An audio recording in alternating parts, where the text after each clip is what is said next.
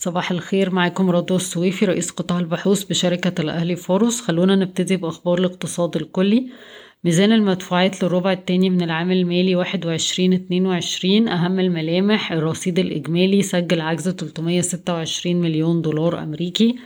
عجز الحساب الجاري انخفض بشكل طفيف من عشرة مليار دولار بسبب انخفاض طفيف في آه، العجز التجاري من عشرة مليار دولار أمريكي.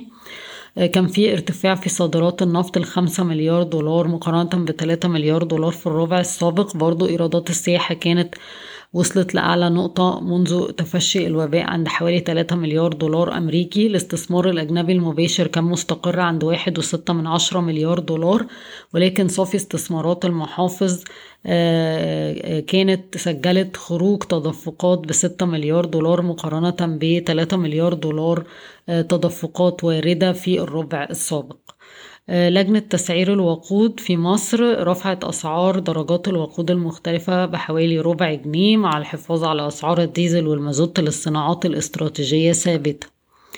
وزارة الزراعة أضافت الهند كمصدر جديد لاستيراد القمح كما تجري مباحثات مع باكستان والمكسيك لاستيراد القمح من هناك.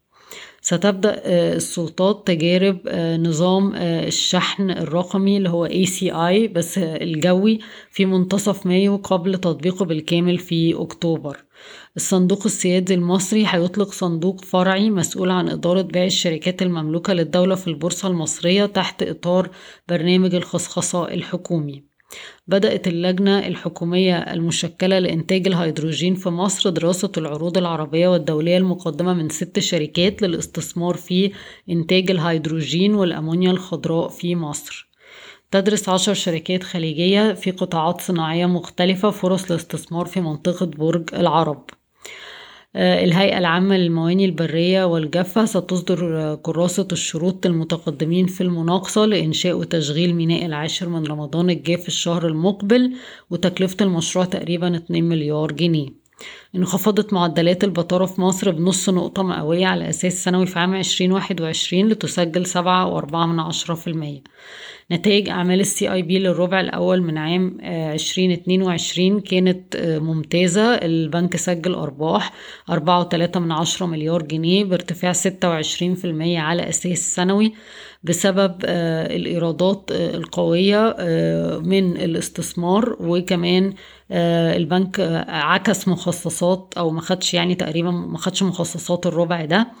آه كمان آه آه وده حصل بالرغم من إن الهوامش كانت أضعف شوية من الربع اللي فات وكان في ارتفاع في النفقات التشغيلية. الإقراض آه، كبر ب 8.5% على أساس ربع سنوي وده يعتبر عالي مقارنة بما قبل ذلك. آه، الودائع طبعا ارتفعت بوتيرة أبطأ عند 5.3% وده رفع طبعا معدل آه استخدام الودائع في المية. البنك بيتم تداوله عند مضاعف ربحية ست مرات لعام عشرين اتنين وعشرين. آه خبر يمكن اتكلمنا عليه يوم الخميس هو إن بنك أبو ظبي الأول سحب عرضه للاستحواذ على EFG Hermes ولكن برضو قلنا إن اللي ممكن آه يساعد السهم شوية هو فكرة آه دخوله ال MS مؤشر ال MSCI آه بدلا من آه شركة فوري. آه،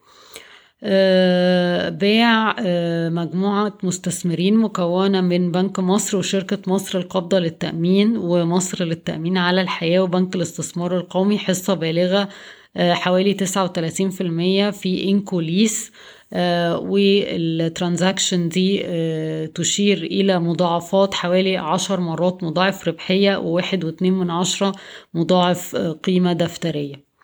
القاهرة للاستثمار سيرة طلعت نتائج النص الأولاني من واحد وعشرين اتنين وعشرين بصافي ربح ميتين تلاتة وتمانين مليون جنيه مصري ارتفاع تلاتة وعشرين في المية على أساس سنوي وكان مدعوم بنمو الإيرادات 24% على أساس سنوي والسهم بيتم تداوله عند مضاعف ربحية 18 ونص مرة لعام 2022 برضو تعليم طلعت نتائج النص الأولاني من عام 21 22 وكانت أضعف بكتير من شركة سيرة ارتفع الربح 8% ل 140 مليون جنيه والإيرادات ارتفعت 5% نتيجة لانخفاض انخفاض 48% في أعداد القبول بسبب مشكلة في التنسيق وليها علاقة بالثانوية العامة آه، بس الشركة رفعت الرسوم بأكتر من 7% آه، شركة جي بي أوتو آه، أعلنت عن أن مجلس الإدارة وافق على إنشاء شركة في كينيا تحت اسم جي بي أوتو كينيا وكذلك آه، شركة تانية مصرية تحت اسم جي بي أوتوموتيف للتجارة والإنتاج وهيعدموا 8.5 مليون سهم من أسهم الخزينة. السهم بيتم تداوله عند مضاعف ربحية 3 مرة تقريبا لعام 2022 بشكركم ويوم سعيد.